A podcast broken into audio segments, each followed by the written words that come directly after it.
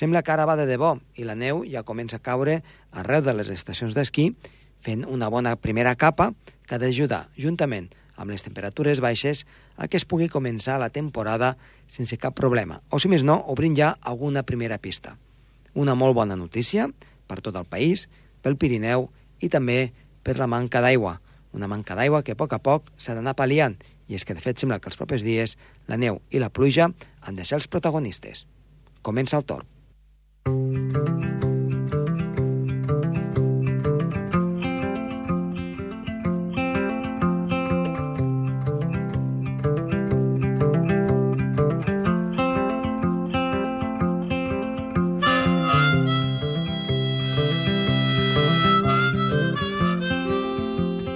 fet, sí, ja tenim la neu aquí a moltes zones del país, sobretot a l'alta muntanya, i això ens portarà a parlar, en aquest cas amb Sergi Carcelés, de la situació meteorològica que estem vivint fins al cap de setmana. També tindrem el nostre company Lluís Miquel Pérez, que ens farà una previsió, atenció, de tot el que ha de ser la temporada d'hivern, nevarà, no nevarà, què diuen els models meteorològics, tot això ho sabrem, juntament amb la previsió del temps en els minuts que ara venen. Som-hi!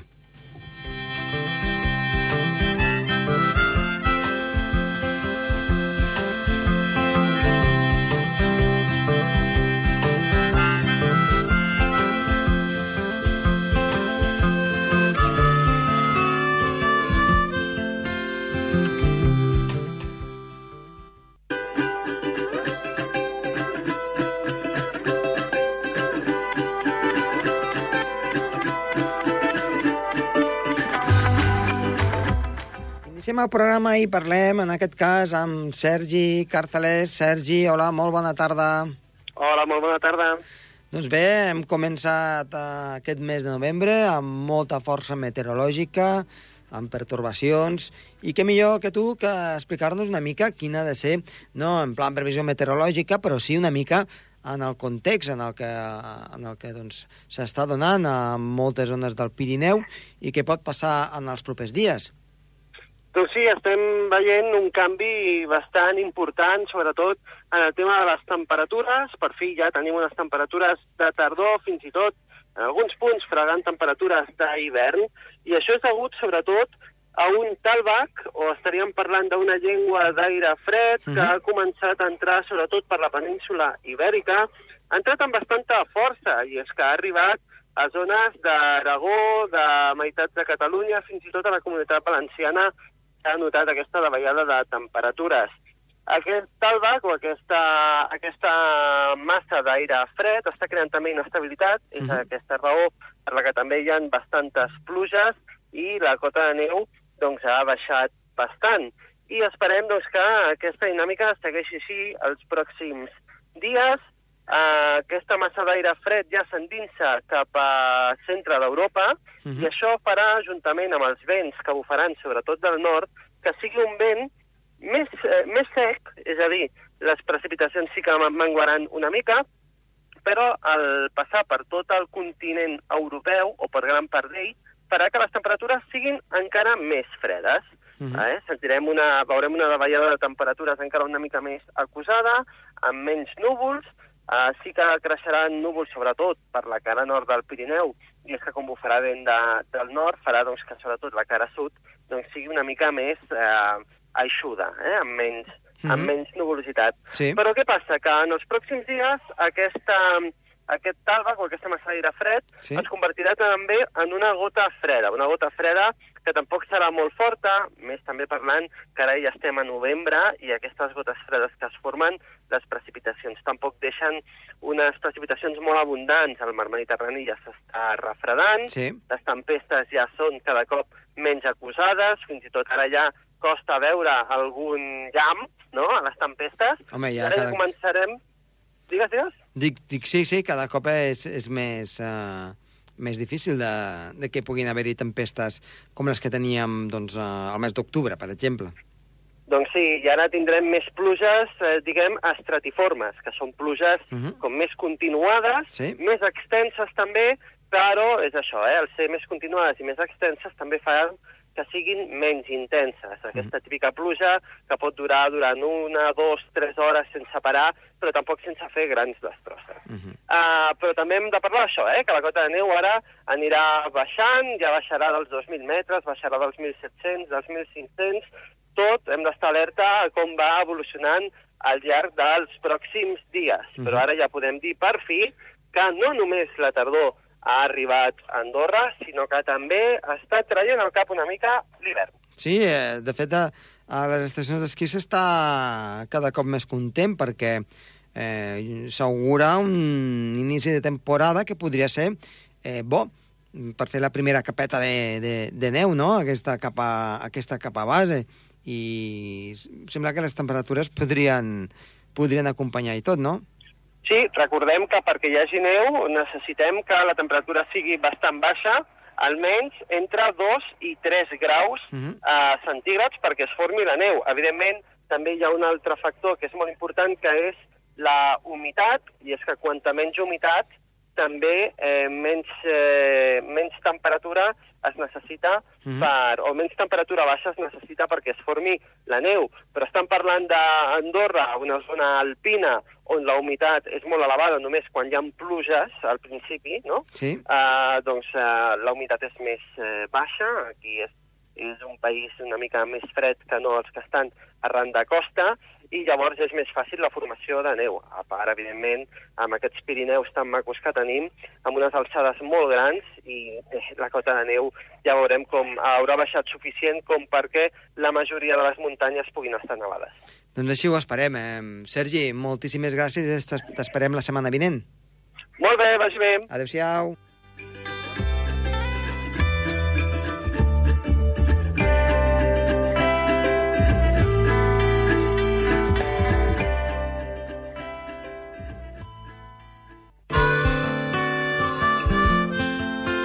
El Torb, amb Josep Tomàs.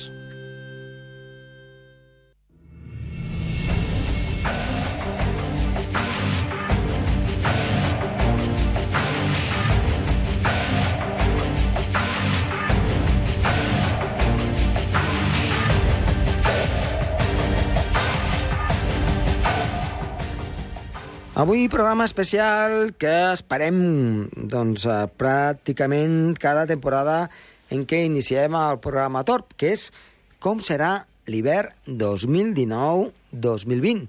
I tot això càrrec del nostre amic, meteoròleg i company de feina, en Luismi. Luismi. Què dius, Josep? Bona Encantat. tarda. Bona tarda. Bona tarda. Tornem a connectar, eh, com, com sempre ho fas doncs, al llarg del matí, uh -huh. i Mhm. aquesta vegada trobem una miqueta de temps perquè volem fer doncs, la, la típica menció que sempre fem eh, quan doncs, estem a, als inicis de temporada eh, d'hivern Sí. i anem a veure doncs, ja a partir del, del que seria eh, mes de novembre aproximadament fins, a veure, mes de març. Què diuen els mapes meteorològics i després una mica a fer mm, aquí impressió personal que sempre doncs, ens portes i que després pensa que revisarem a la primavera a veure si l'hem si encertat o no. Sí, sí, després hem de passar comptes i, Ah, exacte. i veure si la cosa ha anat bé o no. Bé, com sempre hem comentat, Josep, mm, fer previsions estacionals i entesa com a estacional a partir d'un mes vista, Uh -huh. mm, un mes, dos mesos, quatre mesos, és, són unes eines que s'estan polint encara. Per tant, el que ens puguin dir els centres de desenvolupament meteorològic o de dades meteorològiques doncs s'ha d'agafar una mica amb pinces.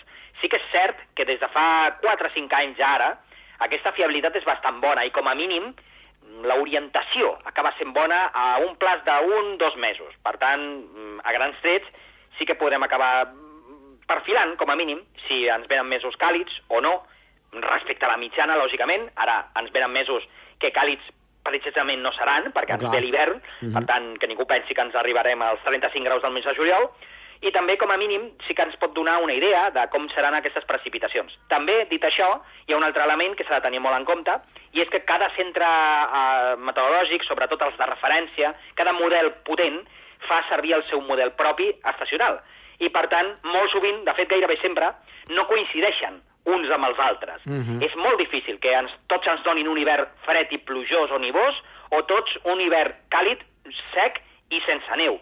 Mm, més aviat hi ha alguns que se'n van a un extrem o l'altre i hi ha d'altres doncs, que estan una mica a cavall de fer una normalitat meteorològica o climàtica, en aquest cas. Mhm. Mm, si fem un cop d'ull als primers dos potents que hi ha, Vinga. està, està l'americà, mm, els americans ja sabem que la meteorologia és una arma de guerra, i, lògicament, el model americà està molt desenvolupat, els interessa molt mm, gastar bombes aquí i allà. Per tant, també les seves eines meteorològiques i de teledetecció han d'estar doncs, eh, molt ben parides i polides.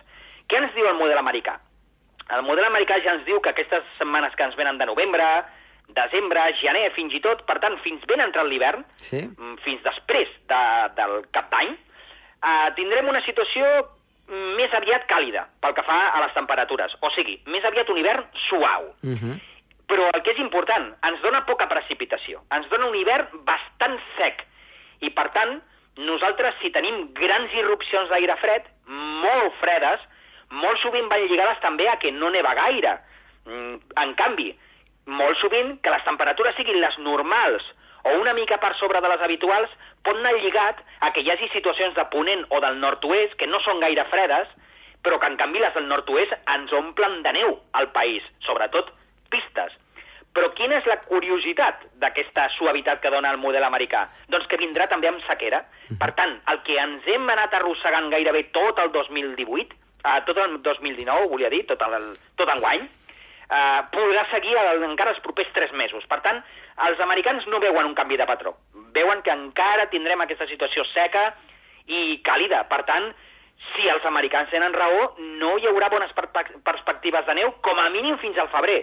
I dius, home, al febrer ja no m'interessa que nevi gaire. Una mica sí, lògicament, però és que se te'n va tres quarts de temporada a l'aire. Sí. Per tant, esperem que els americans no ho encertin aquest cop. Mira, mm, perquè la gent estigui una mica més contenta, Vinga. mm, sobretot en el nostre país. Si estiguéssim a la costa catalana o la costa vermella francesa, et diria una altra cosa. Però al nostre país interessa que ara faci fred i que nevi. I que nevi, i que s'aguanti molt bé la neu, i que la qualitat sigui alpina, pols, i que vagi nevant cada dos per tres. Doncs això és el que ens indica, a mitges, eh? A mitges, el model europeu. Mhm. Al model europeu hi ha diversos països que hi tenen eh, part, eh, que hi formen part. Per exemple, un dels organismes més potents, dos dels organismes més potents que estan dins de l'europeu, són Meteofrance i són los, els de l'Agència Estatal de Meteorologia Espanyola, Sí. per tant, francesos i espanyols, i els dos, dins d'aquest marc europeu que es diu, que és un model que es diu Centre Europeu de Predicció a Plaç Mitjà, doncs ens està dient que l'hivern serà bastant normal, tirant a humit a partir del gener. Per tant, si és normal, vol dir que tindrem les entrades d'aire fred que toquen, sense unes estridències brutals, Mhm. sense unes grans onades de fred, però el que és important, amb episodis de neu que aniran fent. Lògicament, nosaltres sabem que a Sant Julià de Lòria no neva més enllà de... que agafi a terra, no neva més enllà de 6-7 vegades a l'hivern. Sí. En canvi, molt a pistes, doncs ja seria una bona temporada. Episodis de neu a pistes seria una bona temporada. Mhm. És el que ens mm, diu l'europeu. De fet, l'europeu ja, al mes d'octubre, ens deia que l'octubre i el novembre serien mesos tirant a plujosos. I si t'hi fixes, hem tingut ja alguns episodis de neu i de pluja les Mhm. últimes setmanes. Sí. No és que hagin estat terrabastalls, però sí que s'ha anat animant la cosa. Per tant, t'he de dir que els europeus solem agafar-nos una miqueta més... Eh, solem ser una mica més precisos en aquestes previsions estacionals. Per tant, jo personalment confio més en els europeus i no perquè m'estigui dient el que jo vull sentir o el que jo vull veure, que és neu al nostre país i fred, sinó perquè normalment tenen més nivell de fiabilitat que els americans. O sigui, si els europeus tenen raó, Josep, tindrem una temporada doncs molt bona i per callar boques dels que no nevarà mai més, o si nevarà per sobre els 3.000 metres, o si hem d'anar pensant de tacar pistes, Mm. mm, què vols que et digui? Mm, barrabassades, bestieses. Exacte. Mm, el nostre país seguirà nevant i, seguirem neva i tenim una situació perfecta per enganxar neu d'on sigui, del sud, del llevant, del nord, del nord-oest o de ponent. Lògicament, clar, si ve del sud no serà la mateixa cota que si ve des del nord-est. Això Mhm. està claríssim. I tant. I després hi ha d'altres models intermitjos en Mhm. quant a la seva fiabilitat, com podria ser, per exemple, el model, el model eh, britànic, que és el United, eh, United Kingdom Model, l'UCMO, Sí. I després està un altre que és el rus. Mhm. El rus és un model que cada vegada té una mica més d'empenta. Lògicament, si t'hi fixes el que t'he dit al principi, i els nostres espectadors també, si ho han sentit, eh, és una arma de guerra. la meteorologia. Per tant, als russos també els interessa tenir una bona eina meteorològica perquè els hi va part de l'economia. Una gran part de l'economia és fer bombes allà i tirar-les després. Sí, sí. Per què ens hem d'enganyar? Eh. Doncs bé, millor que portis bé amb els russos que no pas que siguis un enemic d'ells. Doncs bé, com també tenen una bona plataforma meteorol- meteorològica, tot això s'està desenvolupant. I què ens diu? El rus ens diu que serà un hivern cru. Cru. Com, els últim, com, com no hem tingut les últimes dècades. Bueno, veure. Sobretot al nord d'Europa. Sí que és cert que si el nord d'Europa està molt fred, per contacte en algun moment ens arribarà a nosaltres. Sí, clar. I potser no tindrem dies i dies i dies sota zero i nevant, però episodis de neu important i amb gelades fortes, sí. Per tant, podríem tenir episodis de neu destacables com els que ja s'han anat preparant les últimes setmanes, Mhm. però el que és important, a cotes més baixes i amb fred posterior, que podria fer obrir pistes molt aviat, per Mm. exemple. Això és el que ens diuen els, els russos. Els russos. T'he de dir que els russos també, Josep, els últims tres anys ens han donat un hivern molt fred. Dels últims tres anys, un l'han encertat, dos no. El del 2018 al 2019 va ser molt fred. El de l'any passat vam tenir moltes nevades. I el del 2017-2018 també. Hi va haver moltes nevades, per exemple, fins a la costa francesa o catalana va arribar a nevar cinc dies, cosa inaudita en aquella zona. Per tant, si els russos aquesta vegada tenen raó, tindrem una temporada mm, idíl·lica, Josep, idíl·lica. Mhm. I, els, eh, I els britànics ens deixen una mica més en la normalitat, anirien una mica de la mà dels europeus.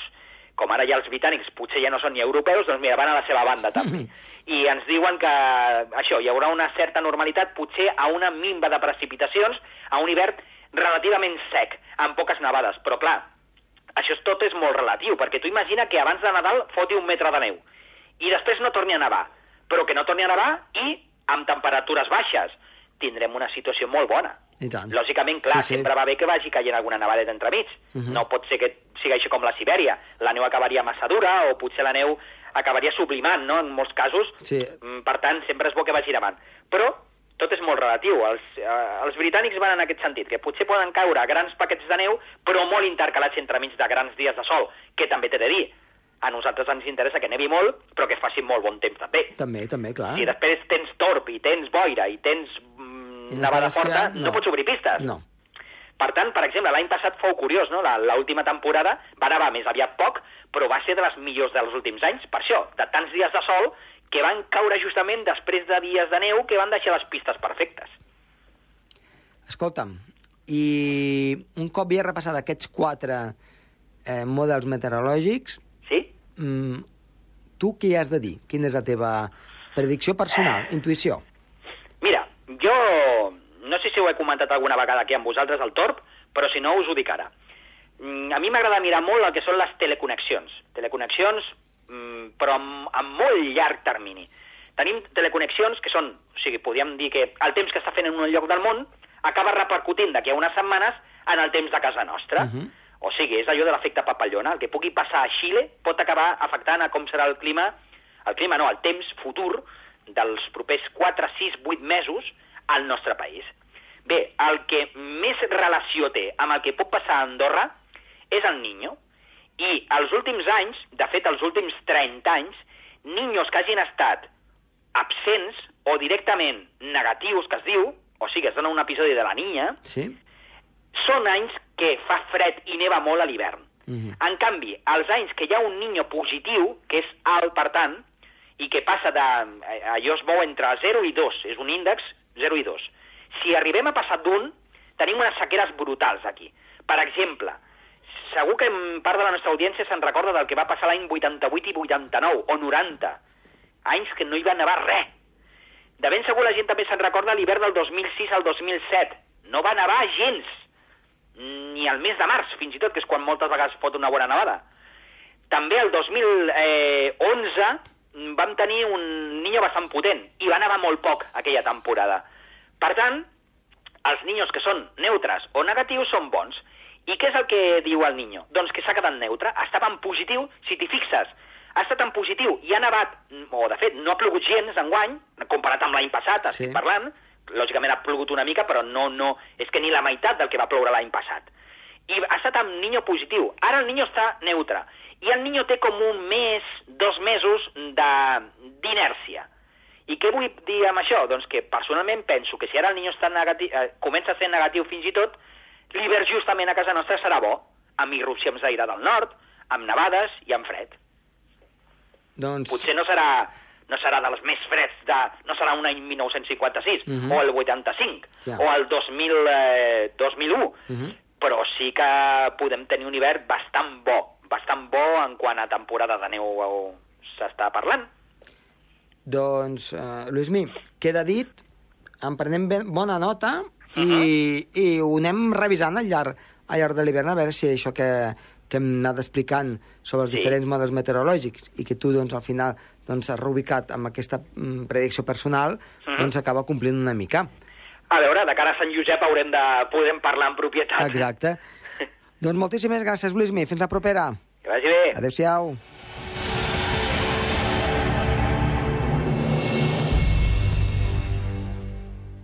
El Torb, amb Josep Tomàs.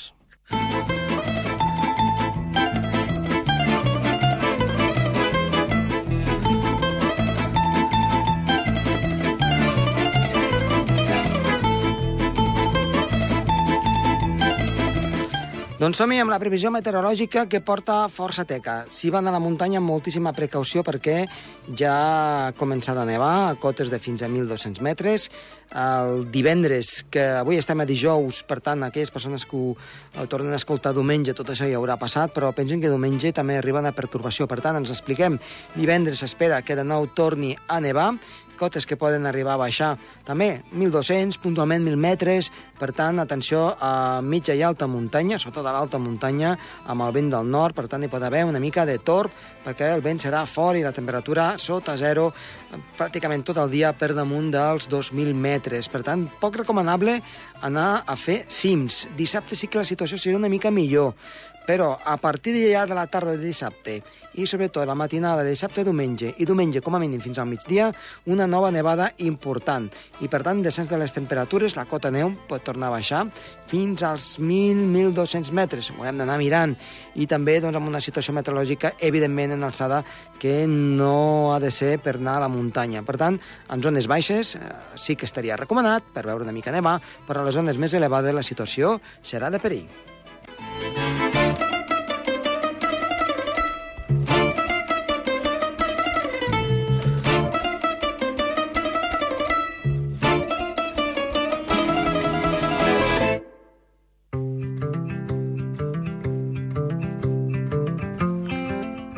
Amb la música ja ens despedim.